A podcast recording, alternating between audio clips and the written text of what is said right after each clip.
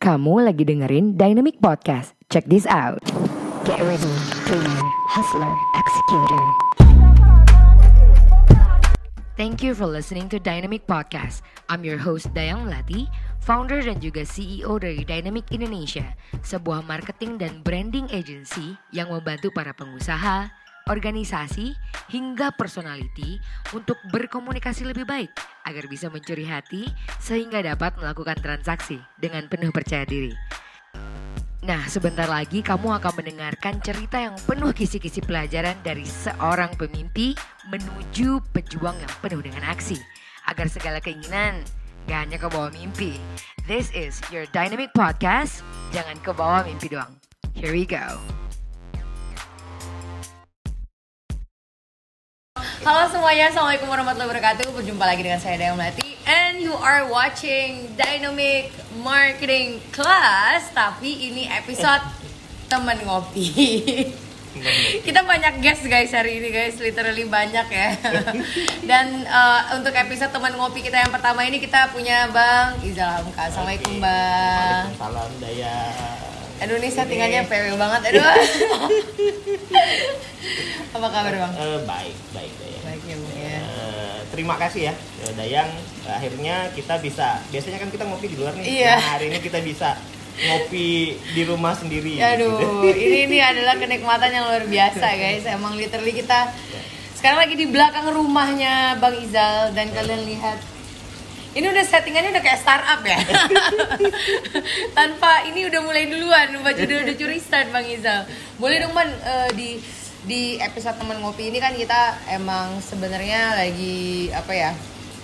eh pengen ngobrol aja sih Iya. kayak bener-bener ngobrol santai Iya. ada dynamic ngopi yang itu Iya, yang live iya. yang ini teman ngopi bang kita Iya. tuh mbak agensi kecil ya istilahnya developing lah istilahnya gitu kan dan banyak banget teman-teman Dynamic Nation sebenarnya di luar sana biasanya penontonnya itu tuh yang ini bang listener kita tuh audiens yang baru mulai bisnis Iya.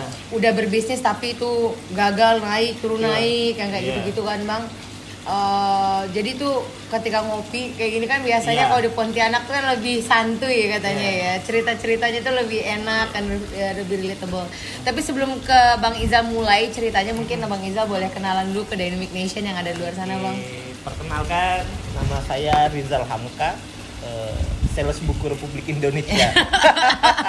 saya, selalu ya selalu saya itu pekerjaannya sales buku gitu, jadi selalu memperkenalkan diri sebagai seorang sales buku. tapi Republik Indonesia ya Republik Indonesia. bayangkan guys sales buku tapi Republik Indonesia Eh, harapan kita Dynamic juga akan menguasai Republik Indonesia Amin, gitu ya. Eh, ya gue semuanya mimpi itu kan eh, kitanya boleh sederhana tapi mimpinya harus hebat gitu. Ya kalau saya eh, mungkin cita-cita saya eh, pekerjaan saya sebagai sales buku ya bagi sebagian orang adalah pekerjaan yang sederhana tapi saya pengen jadi sales buku terbaik yang ada di Republik Indonesia makanya Rizal Hamka sales buku Republik Indonesia langsung segmentasinya langsung jelas target marketnya langsung jos dalam saat belum nyampe 5 menit guys oke jadi sales buku Republik Indonesia tapi kan kalau seandainya ngomongin achievement ya bang bang Izal ini aku ketemu bang Izal ini alhamdulillah waktu itu gara-gara TEDx ya bang ya Iya. dikenalkan sama Ray waktu Iya, itu iya. dan wah ini abang ini kok banyak banget storynya gitu kan banyak banget insightnya Iya.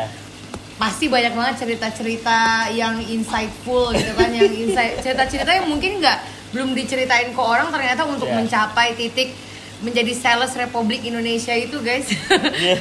butuh berapa belas tahun bang Eh, saya kalau di buku itu udah 17 tahun. Dari 2003 saya dulunya sales di salah satu penerbit buku ya, eh, penerbit. Erlangga gitu. Mhm. Eh, sampai eh, sampai sampai sekarang gitu. Cuma saya saya udah tidak lagi bergabung di Erlangga, udah udah sekitar apa ya, udah sekitar eh, 2012 lah saya resign dari Erlangga gitu. Resign dari Erlangga tahun 2012 nah habis itu fokus ke usaha sendiri hmm. Nah, akhirnya ke sininya juga bukan akhirnya tidak buku saja walaupun main bisnisnya tetap di buku, Iya. tapi akhirnya di sini saya juga ini nih kalau kita ngobrol tentang senang banget kalau eh, diajak ngobrol tentang bagaimana sih memulai usaha. Hmm. Nah, saya tuh hari ini tuh punya kurang lebih eh, 12 13 usaha. 13 Tiga- usaha. 13 usaha sampai hari ini. Wow. Nah, dan rata-rata usaha saya ini usaha kecil gitu. Ya ada laundry, ya ada toko buku, ya ada percetakan, ya ada oblong hitam, eh, supplier Hmm. polos, ya ada membersama membersamai teman-teman industri kreatif di Jagat Karya Iya. gitu kan. Hmm. Ada beberapa lah. Nah, eh, makanya eh, ketika ketemu Dayang gitu ya Hmm. ngopi-ngopi kan kita sering ngebahasnya gi- gimana sih ini Iya gitu iya, ya. gimana sih semua Eh, ini eh, dimulai gimana, gitu gimana ya, semua Bang? ini dimulai sampai titik ini kan yang penting eh, apa ya gimana perjuangannya saya senang tuh Benar, Bang. membersamai teman-teman yang lagi berjuang nih karena pada dasarnya saya senang diskusi Iya. Eh, di situ saya minta ini juga akhirnya gitu minta Hmm. apa minta masukan dari mereka apa Sure. sih hari ini eh, kita konteksnya covid lah ya Iya. kita ini kan bisnis eh, dalam dalam eh, dalam eh, suasana covid ini yang Iya. nggak tahu kapan berakhirnya ini kan menghadirkan sebuah ketidakpastian gitu. Hmm. nah apa yang harus kita lakukan hari ini tuh kita bisa survive aja itu kan keren gitu Bisa survive bisa aja itu survive keren. aja itu kan udah keren gitu Eh, saya rasa semua bisnis lah semua lini bisnis itu merasakan dampaknya luar biasa gitu Betul, Bang. jadi tahun ini tuh kita bisa bertahan saja itu sudah oke. Tapi kan tidak mungkin kita konteksnya cuma cuma survive aja kan. Betul. ah, seberat apa pun titik ini kan kita harus bangkit gitu.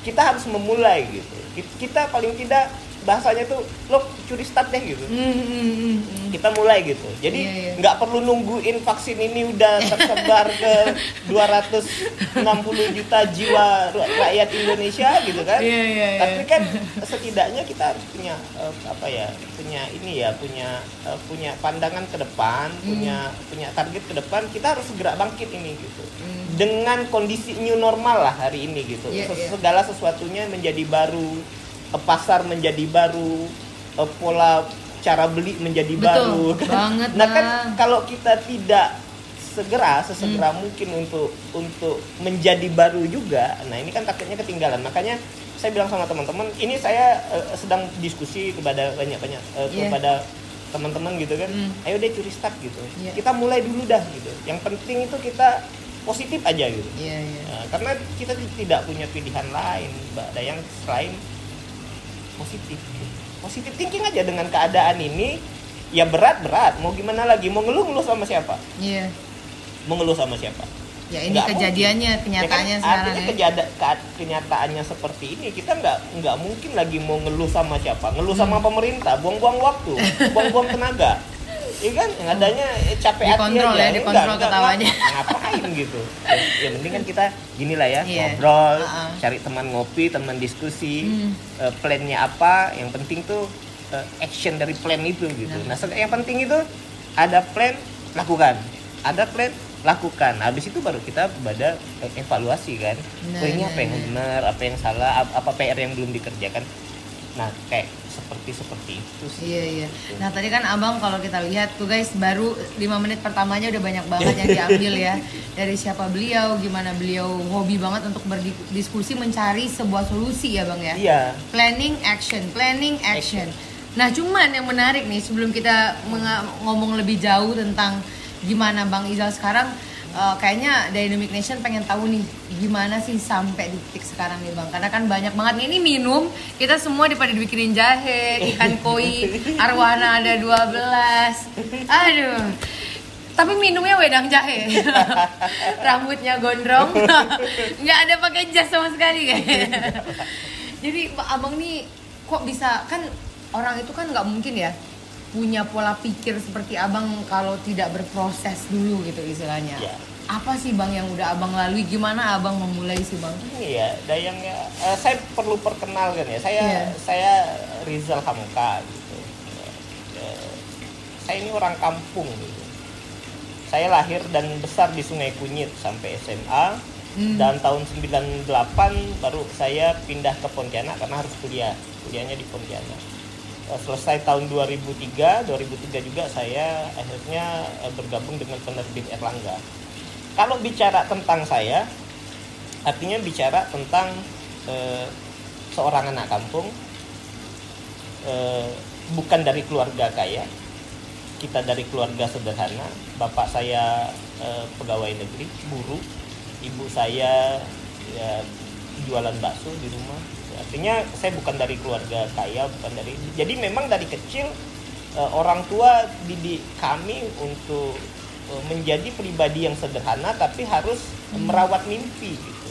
Sederhana tapi, tapi merawat iya mimpi. tapi kita memang dari kecil itu sudah diajarkan untuk jadi eh, pekerja keras gitu. Saya Hmm. saya dari kecil ya dari SMP kalau tidak salah itu udah terbiasa tuh dagang asongan kan saya tinggal di Pantai Kijing gitu ya Pantai Kijing guys. di Sungai Gua Kijing ya. Sekarang Kijing. jadi pelabuhan internasional Iya, iya, iya. jadi saya tinggal di Pantai Kijing jadi kalau ada keramaian saya jualan asongan jualan asongan jualan itu, Bang. asongan ya Yang asongan. bawa yes Eh, eh, iya iya ya asongan gimana sih pasti bawa-bawa gitu lah ya Oke. ya jajakin gitu. Jadi memang eh, kalau perkara sales saya juga udah terdidik dari kecil.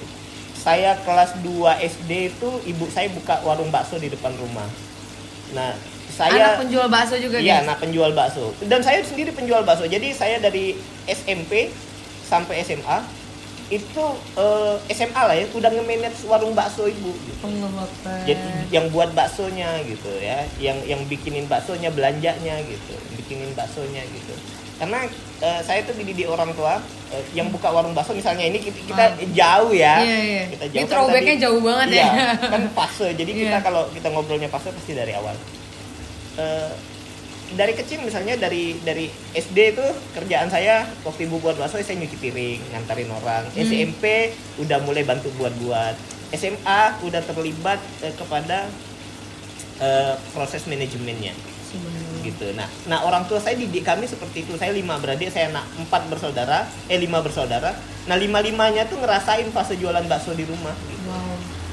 gitu. Kita lima bersaudara. Nah, kalau saya memang punya ketertarikan, ya, ya setiap manusia ya punya punya Hmm. ini ya gitu. Jadi Kecenderungan ya, kecenderungan iya. gitu. Saya memang senang gitu, senang berkomunikasi. Kalau kita eh, terlibat dalam proses jual beli ini kan, eh, kita eh, berkomunikasi, ngejual produk kita Iya, iya. gitu. Eh, Habis itu closingnya gitu kan Iya, seneng banget gitu ya. Hmm. Eh, jadi artinya saya fasenya ya dulu udah memang dari kecil sampai sampai SMA eh, baru nggak ngurusin bakso ya kuliah gitu. Nah kalau Oh, kuliah oke. kuliah aja gitu kan. Kuliah aja. jurusan apa bang? hukum. saya suka komunikasi tapi saya jualan bakso dan saya kuliahnya di hukum. Iya. Oke. Hmm. Eh. Sekarang saya jualan buku Republik Indonesia.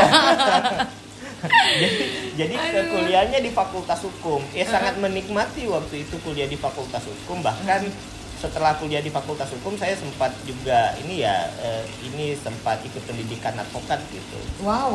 Tapi, tapi, tapi rasanya memang nalurinya sales gitu gimana? Jadi eh, nggak ini akhirnya lebih milih ke salesnya gitu. Hmm. Eh, ya kerja lah waktu itu. Kenapa kerasa excited karena closing atau kayak gimana bang? Atau Iya emang naluri apakah- aja sih sebenarnya kan hidup itu kan kadang-kadang kita eh, lebih enjoynya lebih enaknya di mana sih kita, Hmm, kita hmm. meletakkan eh, pondasi mimpi kita di mana sih gitu. Nah karena saya memang udah terbiasa dari kecil jualan asongan jualan Iya, bakso yang gitu-gitu ya jadi memang mungkin mentalnya sudah terdidik untuk menjadi sales gitu. Tapi kan nggak gampang loh bang. Maksudnya abang seorang sarjana hukum udah ikut kelas advokat ya, Iya. which, which is Iya. aku sampai merinding loh bang lillahi Iya. taala karena banyak banget juga teman-teman kayak seumuran aku ataupun just graduated gitu Iya. kan istilahnya.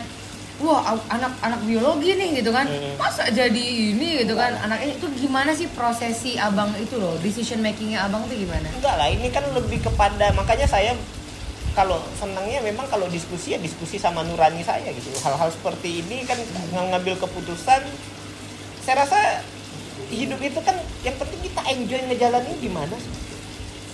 Peduli amat dengan dengan kata orang. Iya kata orang itu kalau selama positif gitu ya. Saya pasti dengar gitu. Karena saya memang senang berdiskusi. Jadi kalau ada masukan, ada diskusi yang positif, saya pasti dengar gitu. Tapi kalau sesuatu yang saya rasa tidak penting juga untuk dibahas, kamu kuliahnya di mana, kerja di mana, lo itu kan nggak penting banget gitu. Hmm. Ya gimana sih secara kondisi di Indonesia apa sudah ngejamin gitu? Hmm. Kamu kuliah di sini bisa kerjanya di sini gitu? Iya, kan iya. tidak juga kan? Nah akhirnya ya saya rasa yang lebih penting hari ini kan saya buru-buru untuk memutus eh, gini loh eh, saya sudah dikuliahkan orang tua harusnya saya tidak nyusahkan lagi mereka gitu. Yang paling cepat adalah saya harus punya pekerjaan untuk menghidupi diri saya sendiri biar orang tua saya nggak nyusahin orang tua lagi gitu. Ya orang tua sudah harus menikmati hidupnya lah di usia mereka gitu. Masa saya nih sampai selesai kuliah pun masih harus itu. Itu dulu ya pikiran pemikiran abang ya. pemikiran saya di tahun 2003 itu 17 tahun yang lalu saya harus cepat yang penting uh, orang tua itu udah selesai lah tanggung jawabnya saya harus hidup sendiri gitu berarti emang realistis aja gitu ya, ya, Bang? realistis apa sih aja. sekarang yang bisa Ya, nggak itu nyusahin orang tua aja. kayak Iya. gitu ya triggernya berarti Iya. utamanya Nah, kalau kalau hari ini gimana gitu ya? Saya saya akhirnya saya juga pengen sampaikan ke anak-anak muda ini kan Hmm. kalau sekarang ya Dayang ya Iya. eh, kalau ngelihat saya sekarang kan banyak anak-anak muda bilang "Eh, Bang Ijal sukses gitu ya, udah Iya. sukses sukses. Nah, saya selalu balikin ke mereka gitu. Kalau kalian anggap saya sukses, sebenarnya sukses itu bisa jadi hak kita semua. Hak hak orang kampung, hak orang yang tidak pintar. Saya tidak pintar gitu. Ya ya kuliah B lah gitu. Hmm. gitu. Kuliahnya B gitu, bukan A gitu. Saya kalau kuliahnya paling B lah. Eh, Setahu saya IPK saya kalau IPK itu menunjukkan kecerdasan kita ya saya itu 3,01 artinya 3 pas lah B lah gitu. Enggak pintar-pintar banget gitu. Enggak enggak goblok-goblok banget Iya, gitu. iya. oke lah masih masih Jadi oke ya ya ya inilah artinya kalau hari ini saya dianggap sukses sama teman-teman, Hmm.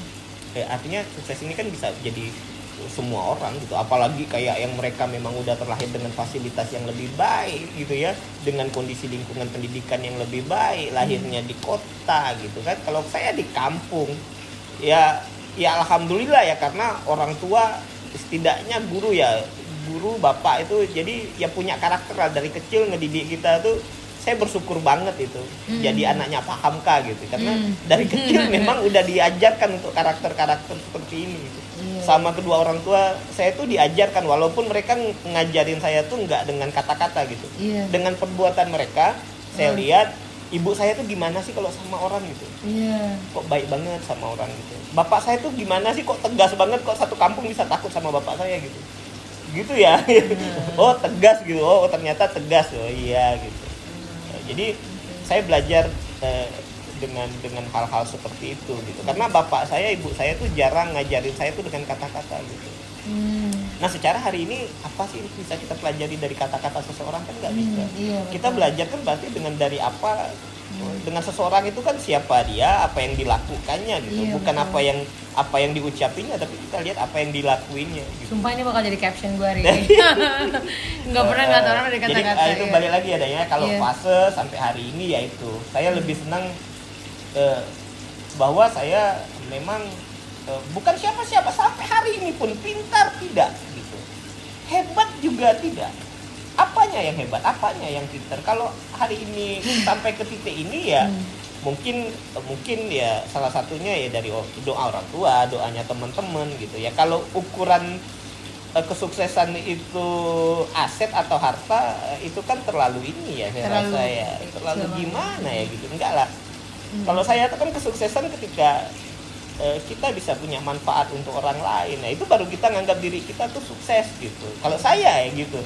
Ya tapi ya kalau eh, vari- salah satu variabelnya dari aset ya itu oke juga. Nggak salah sih sudah berapa berapa ya karena Iya. memang akhirnya seperti itu Seenggaknya untuk bermanfaat buat orang lain kita udah udah Iya dong. udah sustain dulu iya gitu dong ya. ya kita nggak mungkin ya kita oh sini sementara di rumah kita sendiri kita nggak Berantakan, nggak iya. nggak bisa lah di rumah kebutuhan kebutuhan di rumah itu tetap nomor satu Iya, kebutuhan iya. rumah tangga Iya. kebutuhan anak-anak gitu ya Eh, itu tetap nomor satu ya kalau ini sudah clear kan baru bisa kita yang keluar-luar ini gitu Betul, betul. tapi kan semangatnya memang membersamai gitu ya membersamai Hmm. Ya. kalau di luar sih saya juga bukan bukan orang yang enggak yang di luar juga saya banyak belajar dari teman-teman. Toh hari ini beberapa usaha saya kan akhirnya memang eh, proses kolaborasi sama teman-teman gitu. Ya oblong hitam itu proses kolaborasi jagat karya kolaborasi. Eh, jelajah literasi memang lebih banyaknya ke saya. Percetakan di Jogja kolaborasi Eh, distributor di Jogja kolaborasi, toko buku di Surabaya juga kolaborasi. Semuanya Wow, rata-rata semuanya ya ya, Ah, ya? gitu. Jadi maksudnya kolab- kolaborasinya gini, saya pilih satu orang Mhm, mhm, yang bisa menjadi eh, kepercayaan saya gitu. mhm. Nah ini kolaborasi gitu kan kalau kerja sama kan nggak nggak cuma bis, harus satu visi aja, nggak cuma satu visi satu misi aja. Hmm. Ya emosionalnya harus juga nyambung gitu ya.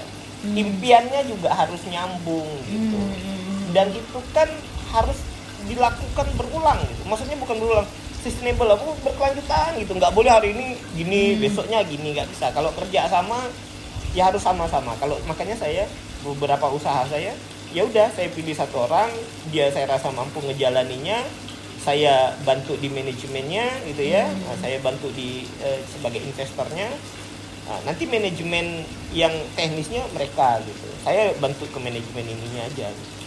ya alhamdulillah jalan lah saya Eh, hampir 13 usaha ya kayak kayak gitulah semuanya. Kan nggak mungkin kita ngejalanin semuanya dah ya 13 tuh satu aja, satu aja sekarang bikin gempor kok. Ya kan? Keadaan kayak begini Iya, gitu. iya, nah, tapi iya. karena rame juga ini jadi rame yang mikir gitu kan. Iya, iya, iya, jadi iya. hal-hal seperti itu aja sih. Kalau bisnis saya rasa hal seperti itu Hmm. Dan kayak saya sama Dayang saya juga banyak belajar kan akhirnya kan Oh, Iya kan, eh, Indang. ya gini loh Dayang hari ini kan kalau saya ini generasi apa namanya Eh, baby Tahun- boomer.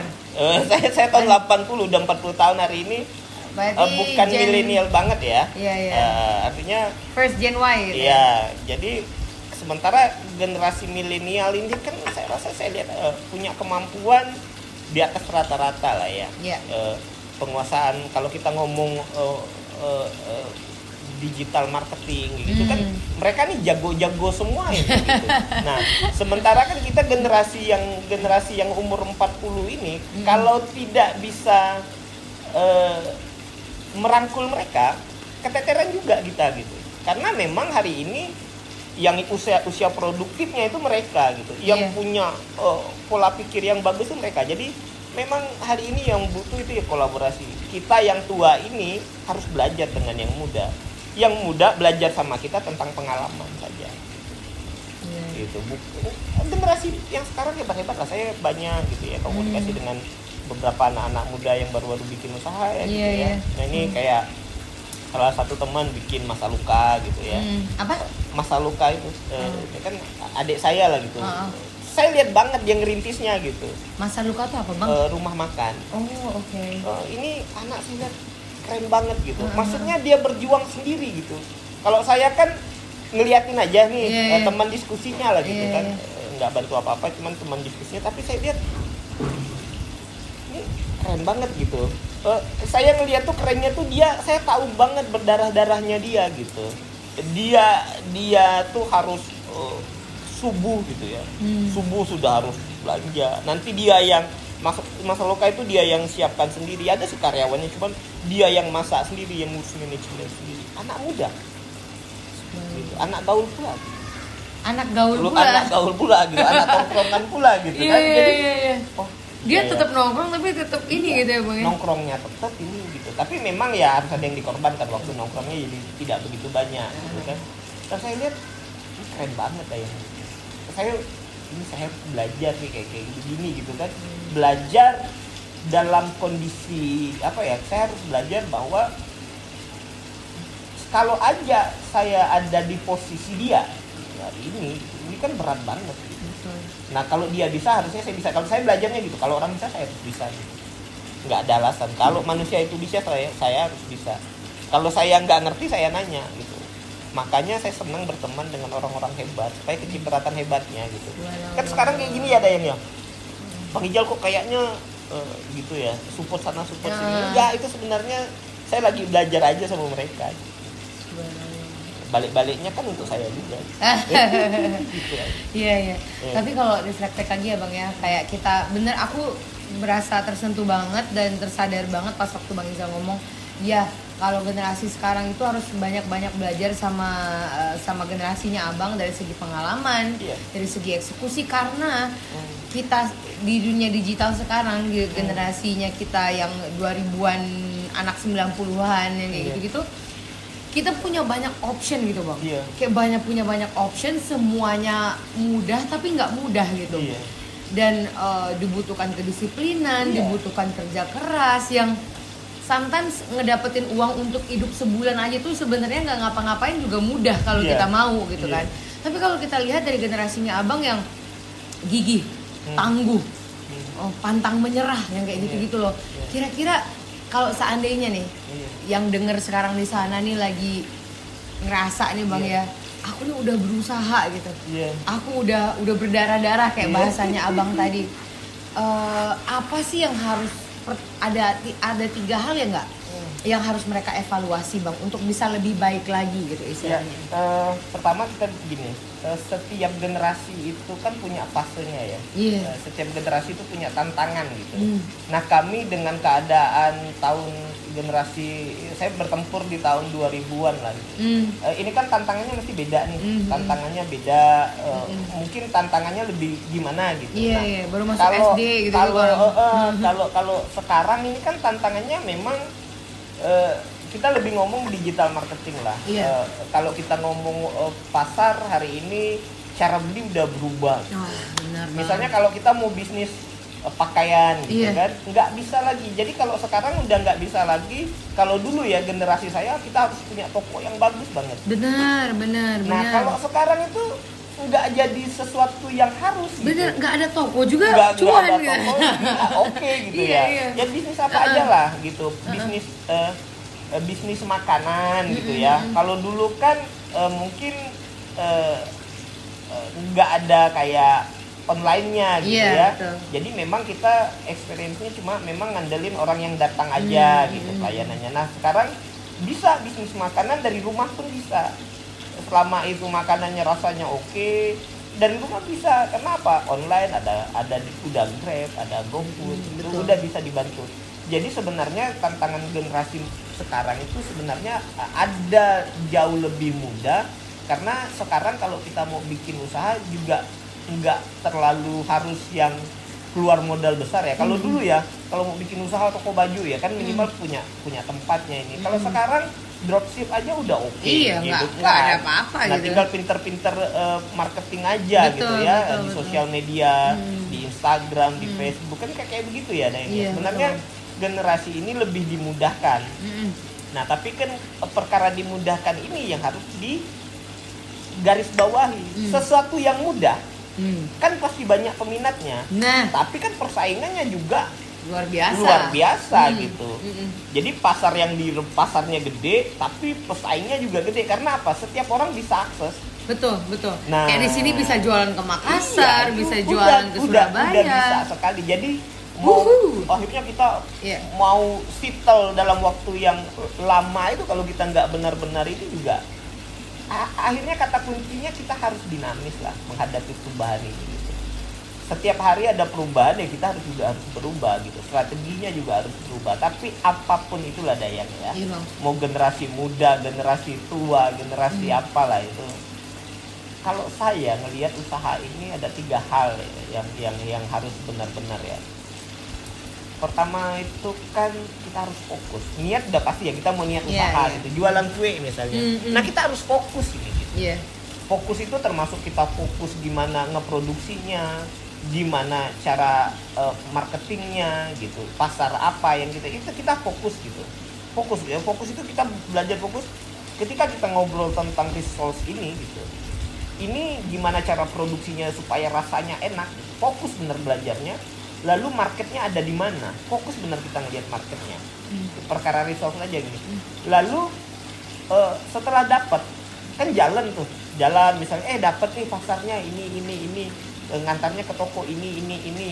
Jadi satu hari aku bisa produksi resource ini 500 gitu. Dengan Hmm. biaya produksi sekian dengan resikonya sekian sehingga keuntungannya bisa sekian kan kalau jualan titip itu kan sistemnya konsinyasi gitu Iya, ya ah. Eh, habis itu sekian 20% udah dipotong konsinyasi resiko nggak lakunya sekian sehingga rata-rata sekian dapat seharinya nah kalau ini aja udah jalan gitu kan artinya kita belajar ini belajar tentang resiko apa semua Hmm. fokus gitu lalu ketika eh, fokusnya sudah eh, kita harus konsisten yang pertama fokus, Fokus, kedua yang kedua konsisten. konsisten konsisten dalam konteks eh, bahwa kita udah paham yang namanya usaha mana ada sih usaha tuh yang gini terus nggak ada. Iya. usaha itu gini naik ada turunnya bisa naik lagi turun nah Iya, iya. yang paling penting itu kan kata konsisten ketika kita turun kita bisa konsisten nggak? Kalau kita nggak bisa konsisten akhirnya kan kita nggak punya semangat lagi untuk maju. Ya udah amblas gitu. Tapi kalau kita ingin membiasakan diri untuk konsisten dengan satu bisnis kita jadi bisnis itu kan kadang-kadang naik ada turunnya gitu. Naik kita patut semangat aja nih naikkan lagi turun lagi naik. Eh, memang bisnis kayak begitu gitu. Sampai benar-benar kita settle. Settle pun nggak bisa benar-benar settle karena apa? Pesaing ada aja gitu. Nah ini kita butuh butuh ya butuh spirit untuk konsisten.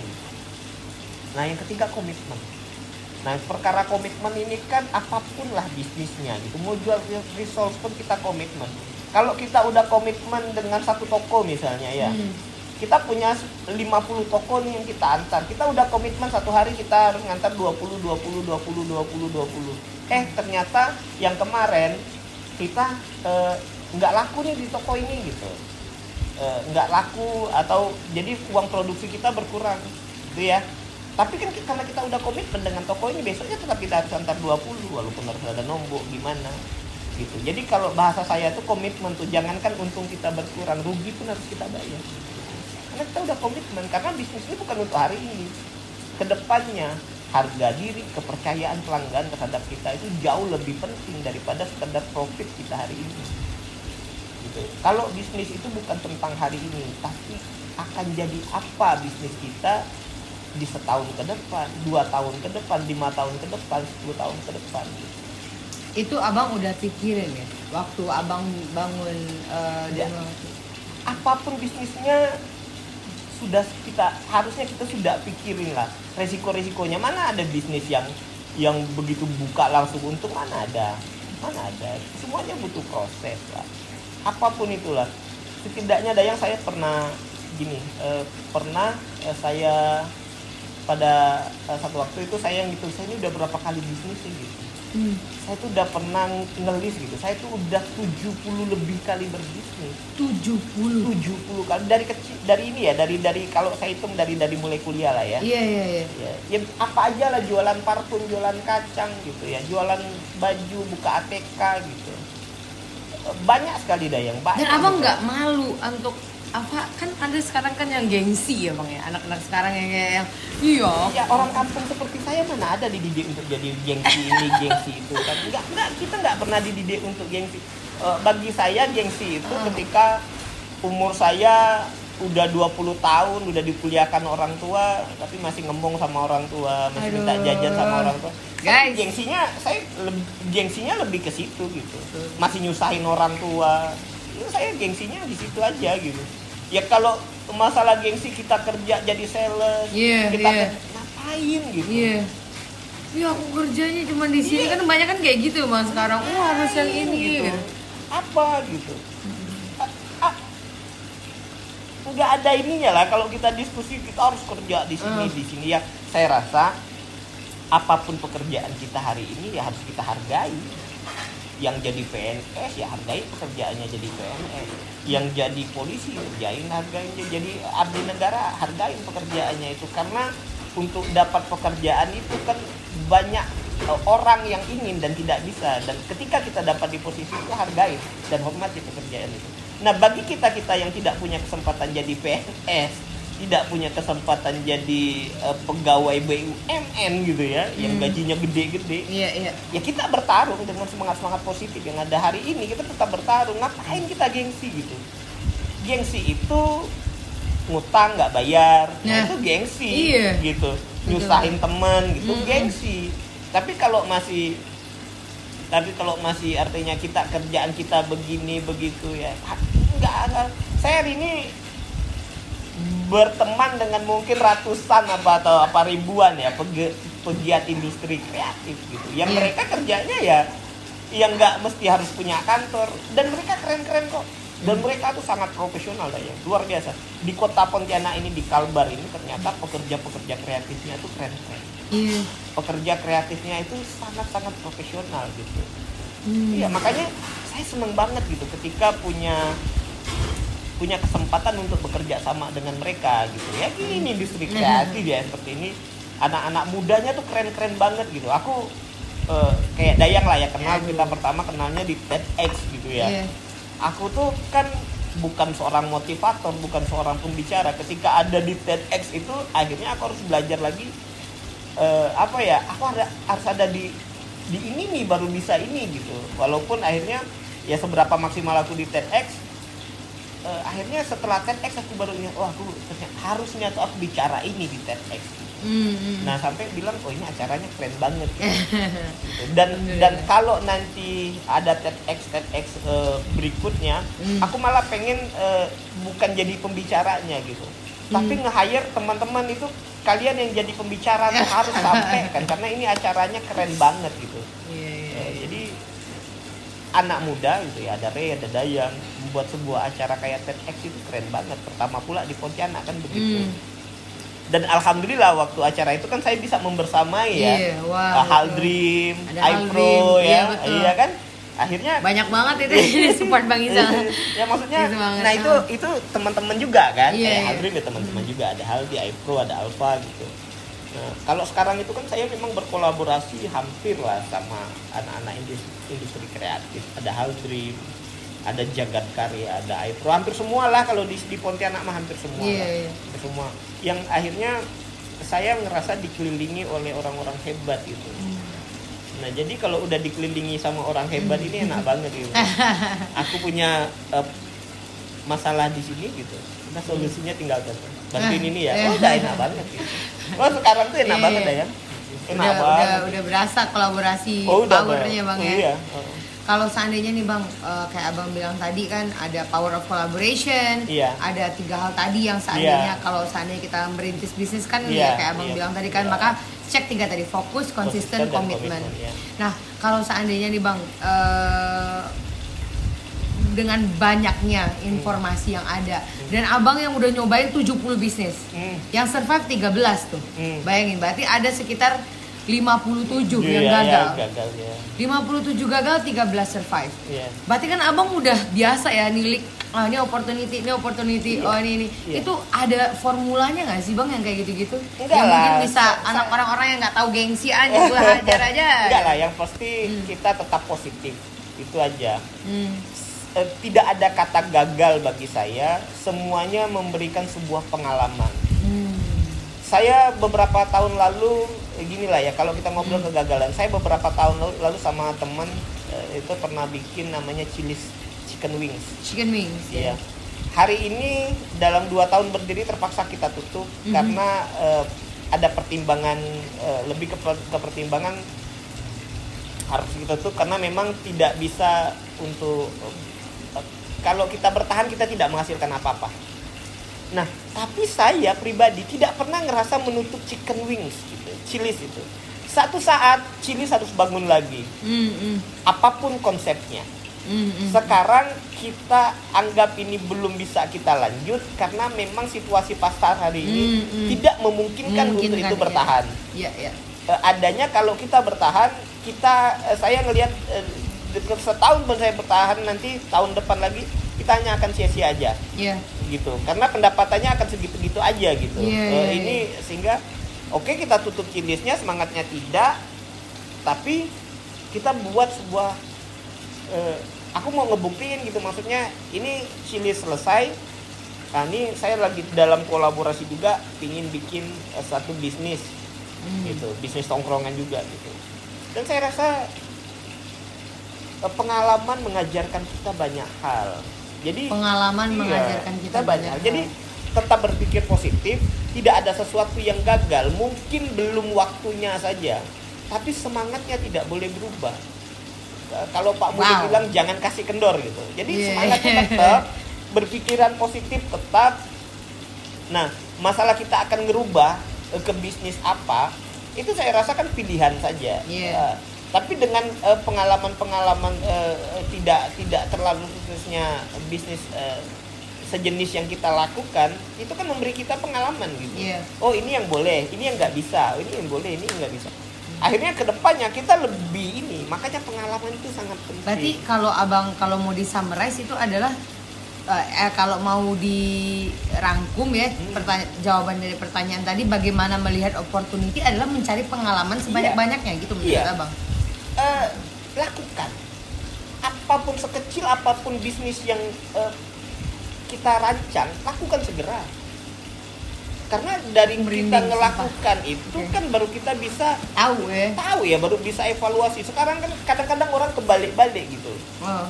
bisnis plannya keren gitu tapi ngelakukannya seadanya Hmm. baru mau ngevaluasi ya udah nggak bisa bisnis plannya harus keren pas saat actionnya ini harus lebih keren tidak ada satu PR pun yang tertinggal kerjain fokus betul pada bisnisnya gitu nanti baru ada proses evaluasinya Hmm. Iya kan? Iya. Kan ketahuan nih nggak semua yang kita rancang itu eh, sesuai ekspektasi Betul. nah ini betul. butuh evaluasi mana ada bisnis sekarang itu kan nggak bisa saya rasa hari ini kita ada di dunia dalam konteks marketing ya Hmm. yang segala sesuatunya tidak pernah pasti gitu. Perubahan itu keniscayaan. Makanya kalau kita tidak berubah ya sudah selesai gitu. Hmm. kita harus belajar banyak gitu dengan pebisnis pebisnis besar gitu. Bagaimana Nokia tiba-tiba eh, kalah gitu. Eh, tiba-tiba kehilangan market share-nya gitu. Gimana eh, kalau kita ngobrol ini ya Hmm. kita ngobrol ini kan kan karena pasti orang orang udah paham juga Iya, gitu iya, ya. iya, iya. Eh, gi- gimana Samsung eh, pelan-pelan bisa hebat gitu Hmm. bagaimana eh, produk-produk eh, eh, Cina gitu ya kayak Oppo apa semua eh, yang ngambil market share di bawah sekarang tetap naik. naik. gitu bagaimana iPhone yang kekeh dengan jualan iPhone mahalnya gitu ya Hmm, hmm, hmm. juga tetap luar biasa gitu Betul. jadi kita harus belajar dari itu deh gitu Hmm. bahwa semuanya butuh menuntut kita untuk setiap hari itu memiliki strategi. Nah, berubah iya bang. Ini ini poin yang bagus banget pas abang Iya. bilang tadi. Pengen cari, pengen tahu opportunity yang bagus, yang Hmm. ba- jelek ataupun opportunity yang bagus ataupun yang kurang bagus, yaitu dari pengalaman, Iya. eksekusi yang Iya. eksekusi yang handal, planning yang handal. Iya. Nah, kan ini udah banyak nih bisnis yang abang lewatin kan. Iya. Dan otomatis mungkin teman-teman di luar sana juga satu orang bisa punya beberapa bisnis. Iya. Ada yang namanya the power of focus nih bang. Iya. Yang debatable juga lah istilahnya Iya. orang-orang ngede- nge- ngedebat. Ya kalau bisnis tuh yang fokus dong. Abang juga ngomong dengan fokus, konsisten, komitmen. Iya. Nah kalau seandainya kita punya banyak bisnis kayak gitu tuh piye tuh bang? ya kan gini loh Hmm. makanya saya bilang tadi penting ya the power of collaboration itu Ketika- Ah. kan saya begini kalau saya disuruh ngurusin teknis ke 13-14 bisnis saya ini mana mampu saya Iya iya iya. mana iya. mampu kita ngurusin teknis Ah. Tapi apa gunanya kita punya karyawan? Apa kita gunanya kita punya tim? Nah inilah tugas kita menyatukan visi, menyatukan misi, menyatukan apa ya? Saya tuh selalu kalau bikin usaha itu saya bilang ini usaha milik kita. Gitu. Usahanya milik kita gitu. Eh, Makanya karyawan itu pun di kantor itu saya anggap kita ini tim gitu. Hmm, hmm, hmm. Kita ini Iya. tim gitu Hmm. ya makanya ya penting juga lah bagi kita ya Hmm. Nah, kalau udah kayak kita ini kan ketika kita bilang kita ini tim gitu ya Hmm. tidak bisa pula kita nih kalau yang dapat untungnya kita sendiri yang Betul. lahapnya tidak bisa kalau saya mikirnya ketika kita bilang kita ini tim ya berarti ketika proyekkan kita atau pekerjaan kita menghasilkan sesuatu Iya, ya harus dibagi dong iya dong. sehingga ke- ketika mereka ngerasain oh, penjualannya gede mereka dapat bagian dari penjualan itu. Masalah persentasinya kita atur. Jadi jangan kita nuntut aja sama karyawan kita bahwa ini bisnis kita sama-sama. Tapi giliran untungnya gitu ya kita nikmatin sendiri. Ini nggak fair. Jadi Betul. percuma tidak akan ada proses kolaborasi hebat itu Ya percuma aja jangan jangan sekedar omdo ya saya bisa. Makanya saya bilang kalau kita ngomong aja anak kecil pun bisa gitu. Jadi yang paling paling penting hari ini ya berbagi juga penting gitu. Ketika kita bilang perusahaan usaha ini milik kita sama-sama gitu. Eh, cara cara menjalankannya, cara berbagi hasilnya juga seperti itu. Nah masalah persentasenya kita yang paham lah, kita diskusikan. Iya iya. Makanya saya nggak terlalu rumit. Saya punya punya bisnis misalnya baju kaos polos ya oblong hitam Iya, gitu. uh. Ya adik saya aja yang ngurusinnya gitu. Tenisnya bahkan kalau udah teknis pesannya apa ya dia dia sendiri yang ngurus gitu. Saya taunya ini gitu. Apa ada ada ada sesuatu yang besar baru saya masuk di sana gitu. tapi secara keseharian mereka udah nah kan bang kok nggak bisa lah ini kita mempercayakan sama orang nanti iya kalau dia ngejalaninya bener nah makanya semuanya butuh proses juga gitu Hmm. ya kalau saya mah ditipu orang sering gitu udah Tapi- seringnya tuh udah yang kayak Iya. pasrah gitu ya Bang? tapi kan gini lah kita harus tetap positif aja gitu. saya pernah bilang begini kadang kebaikan yang kita lakukan sama seseorang itu akan menjadi celah bagi orang untuk memanfaatkannya. Hmm betul. Ya kan? Mm-mm. tapi bagi saya tetaplah teruslah berbuat baik Hmm. biar kita akan dipertemukan gitu akan dipantaskan untuk bertemu dengan orang-orang baik. lainnya. Atau setidaknya kebaikan yang kita lakukan hari ini untuk menutup gitu untuk m- apa ya untuk menutup kesalahan-kesalahan hal-hal yang tidak baik yang pernah kita lakukan di masa lalu. Tapi memang harus berbuat baik. Kita harus tetap berbuat baik. Tetap harus berpikiran positif. Ya kalau masalah kena tipu mas sering kalau bertemu dengan pebisnis pebisnis yang tidak komit seperti tapi alhamdulillah Allah kasih saya lagi orang-orang hebat di samping saya gitu. Dan bisnis seperti itu dan kehidupan itu seperti itu yang penting kita tidak lelah untuk berbuat baik. Yang Hmm. penting kita tidak lelah untuk berpikiran positif. Dan yang ini mohon maaf bukan karena saya orang baik ya Iya, gitu. iya, saya iya, juga iya. saya juga Kaget sebagai, sebagai manusia juga banyak ndak baiknya Iya, banyak iya. hal banyak hilap banyak salahnya doif Hmm. juga lah. Lemah lah sebagai manusia saya bilang. Iya.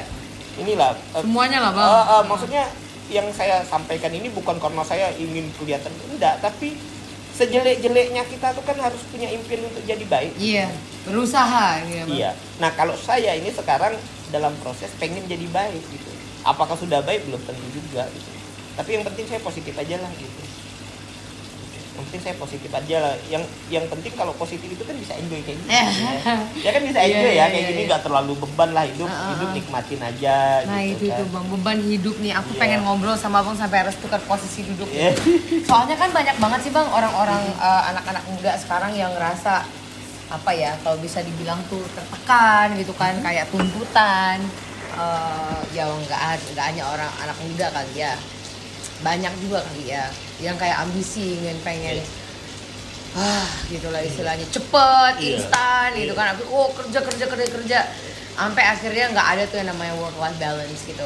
Nah pertanyaan Dayang jadinya dulu abang waktu merintis apa sih yang abang prioritasin? Sehingga yang mungkin berkontribusi banyak fase kepada ya? Heeh, kita ngobrol fase. Heeh. Eh, pada fase tertentu saya ambisius. Iya bang. Aku makan ya Sebelum- bang ya? Silakan sebelum nikah ya tahun-tahun 2008 2006 saya itu sangat ambisi gitu ya eh, berambisi gitu Mhm. untuk eh, untuk mencapai sebuah eh, impian tapi ambisi itu juga yang membuat saya akhirnya terkapar Hmm. Nah kalau cerita fase bisnis itu saya pernah dalam satu fase di tahun 2000 sekian gitu ya. Saya kan kerja ya di sebuah perusahaan yang oke lah gitu ya pendapatannya juga oke, fasilitasnya juga oke gitu lah. Ya gajinya udah oke banget lah gitu ya bisa dua tiga kali UMR. Jadi untuk ukuran anak muda seperti saya dengan tabungan bonusnya itu udah oke banget lah gitu. Kalau bahasanya dulu tuh pas tahun 2006 2007 tuh jadi bujang kaya lah asik Nah, udah bujang kaya itu maksudnya anak bujang yang Oh. udah punya itu udah punya rumah saya Mm-mm. gitu. Nah tapi karena ambisi itu juga dan kena karena kenakalan kenakalan juga Waktu karena muda. ini waktu muda ya Oh. 2007 2008 nah akhirnya habis gitu bangkrut gitu.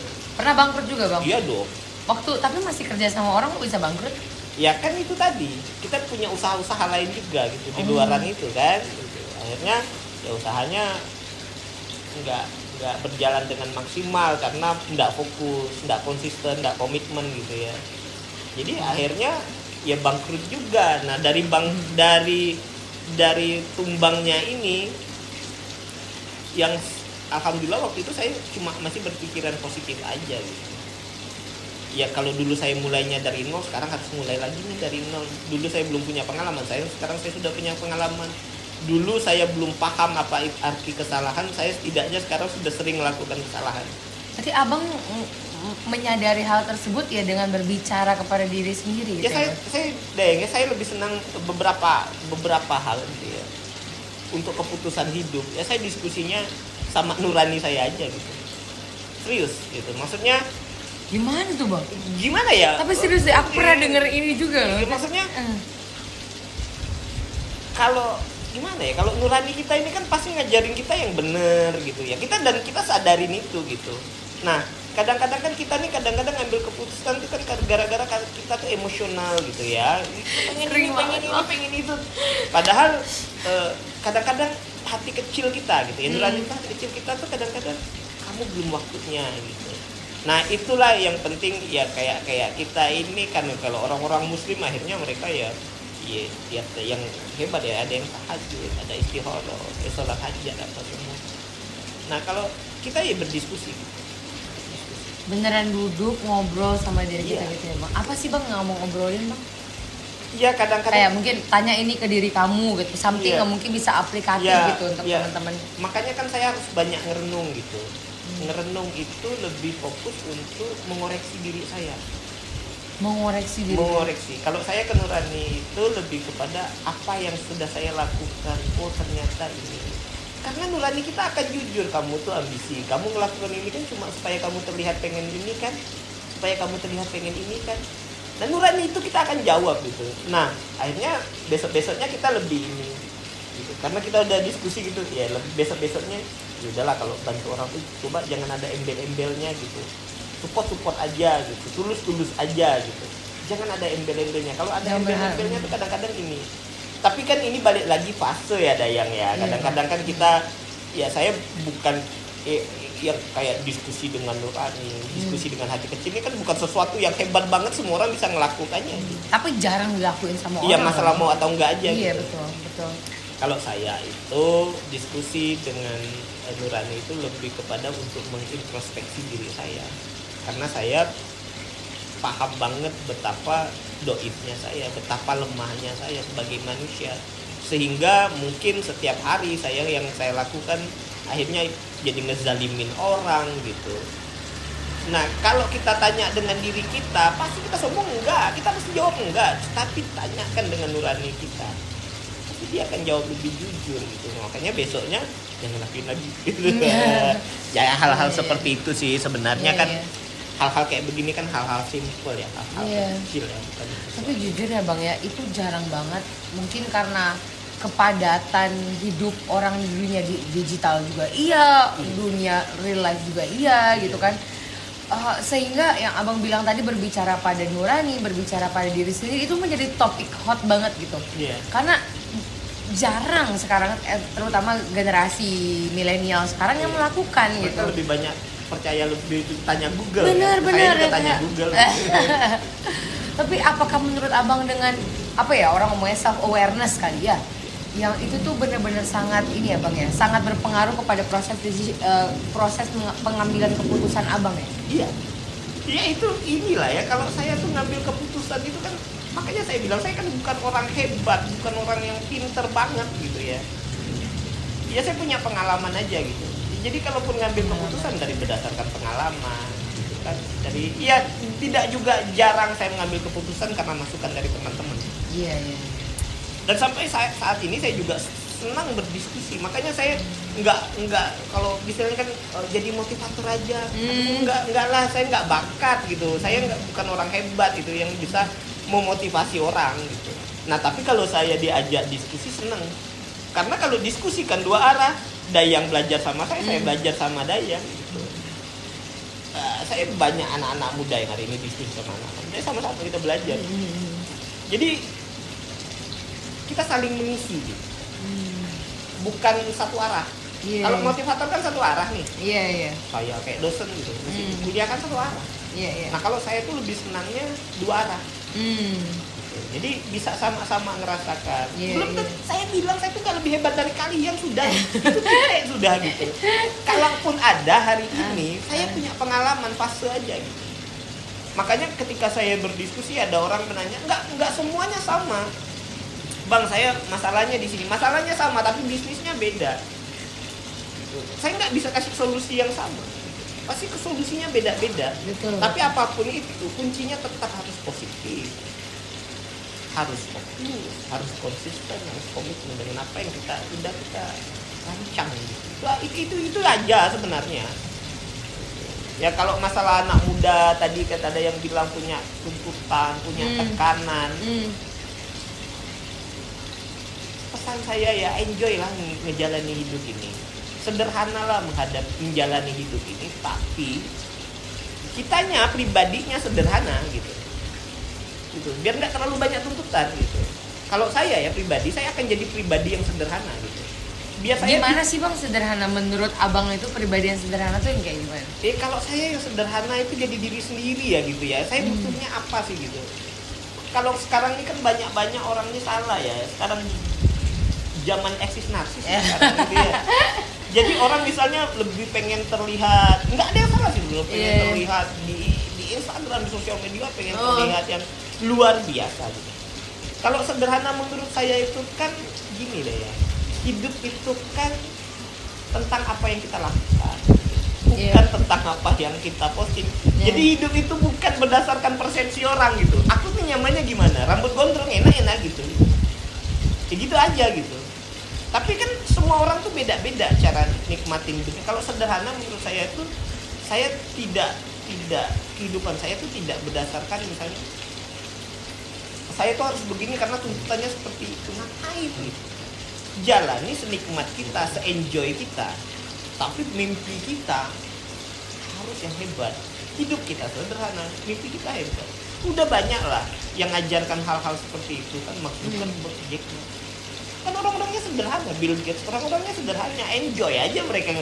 Apa apa peduli orang sama eh, Mark Zuckerberg mereka tetap tahu. kan, kan, jalan-jalan Jangan terlalu mikirin kata orang gitu ya bang. ngapain.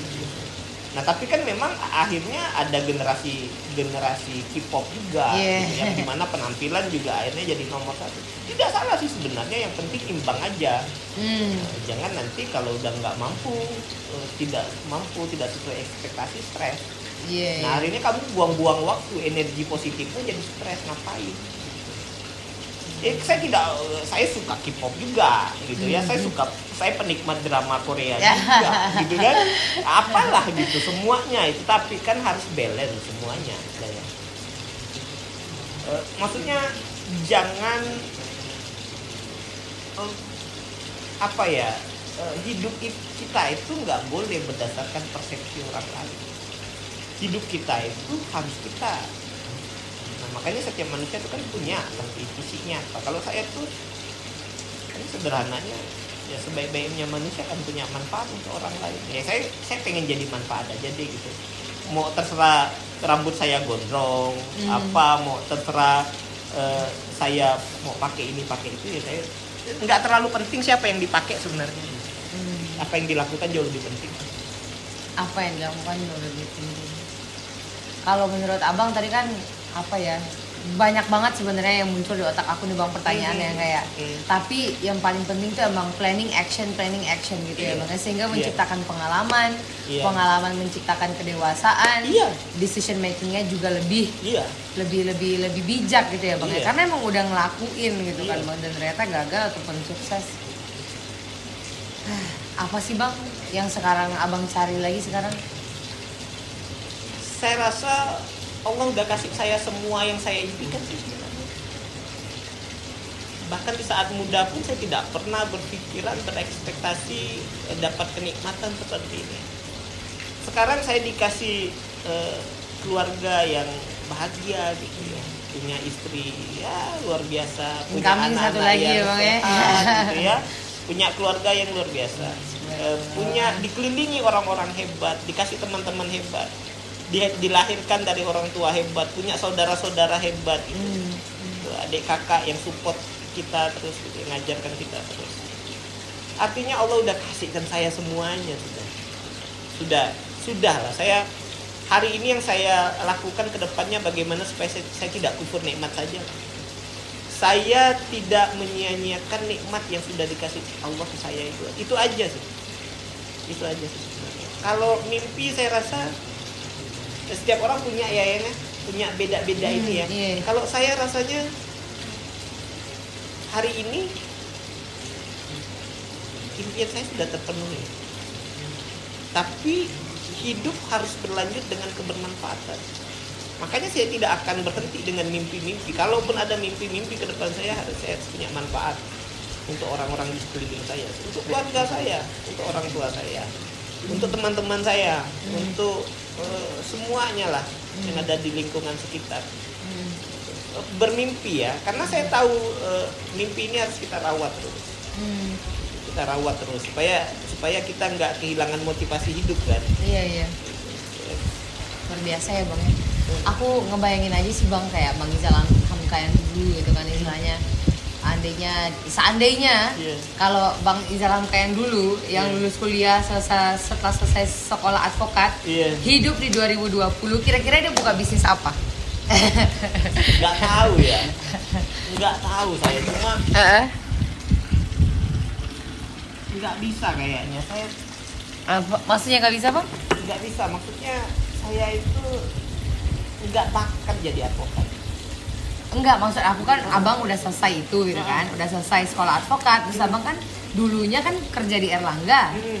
Nah kalau seandainya abang keluar setelah selesai sekolah advokat, kira-kira abang buka bisnis apa? Sekarang ini lihat situasi pandemi, lihat ini, kira-kira apa sih Nah. usaha yang akan abang buka? Ya, ya, ya, ya itu kan pasti, pasti misteri ya tapi kan memang Heeh. memang dari dulu tuh punya impian Heeh. dari dulu ya ya. Punya bisnis itu ya tempat tongkrongan Oh, lagi dibikin mak Iya. sekarang ya. saya itu eh, ada ada beberapa ide gitu dulu Iya. tuh pernah punya impian punya toko parfum terbesar yang ada di Kalbar Heeh. tapi sampai sekarang nggak berhasil saya wujudkan belum bisa saya wujudkan Mm. Eh, pengen punya eh, rumah makan gitu ya Hmm.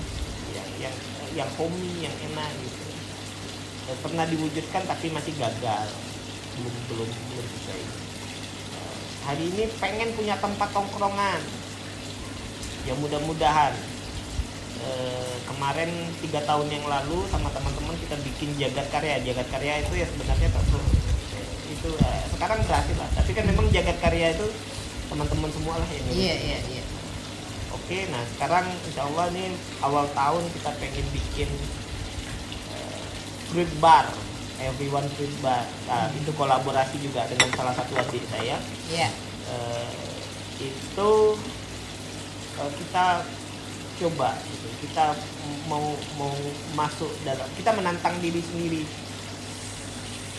sehebat apa, sejauh apa kemampuan kita untuk bersaing di bisnis ini. Tidak ada tidak ada jaminan bisnis ini akan sukses. Tapi kalau tidak kita coba, kita pasti tidak sukses.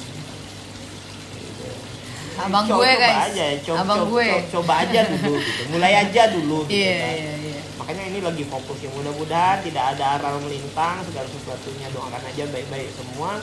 Insya Allah eh, Maret atau April itu kita sudah berdiri lah, launching ya. sudah launching. Nggak kerasa udah satu jam guys kita ngobrol nih. Sebenarnya aku masih ada lima pertanyaan lagi tapi kita save untuk ngobrol-ngobrol ngopi-ngopi nanti. Siap, makasih Dayang. Uh, thank you Bang Iza. Kalau menurut. Bang Iza apa sih pesan dan kesan Abang untuk the seluruh Dynamic Nation yang nonton YouTube channel kita ini dan nanti juga bakal di convert ke podcast. Iya, Ya. eh, buat eh, teman-teman eh, sahabat muda Asik. yang keren-keren Asik. ya. Eh, jangan pernah berhenti untuk bermimpi. Tapi eh, untuk eh, mewujudkan mimpi ini kita memang butuh proses, butuh kerja keras. Maka banyak-banyaklah berteman, maka banyak-banyaklah diskusi, belajar dengan orang-orang yang ada di sekeliling kita, orang-orang hebat yang, yang ada di sekeliling kita. Jadilah orang baik biar kita menemukan sahabat-sahabat baik. Itu aja. Oke itu aja teman-teman Dynamic Nation di episode pertama kita Dynamic teman ngopi yang by the way Bang Izal yang ngasih nama guest pertama kita. So uh, semoga Bang Izal bisa ada waktu lagi ngopi Amin. nanti ya di. Dynamic Ngopi di kasih live Dayang, terima kasih waktunya udah berkunjung bersilaturahmi Aduh kita gila udah PW banget guys ini kita beneran dah sumpah nggak tahu lagi mau ngapa. Uh, thank you semuanya udah nonton sampai detik ini. So semoga teman-teman bisa mengaplikasikan ya dan juga reflect apa yang tadi diomongin sama Bang Izal. Saya Dayang Melati dan Rizal Hamka pamit undur diri dulu sampai ketemu teman-teman di next episode and this is Dynamic Marketing Class. Bye bye semuanya. Assalamualaikum. makan makan Makan makan makan.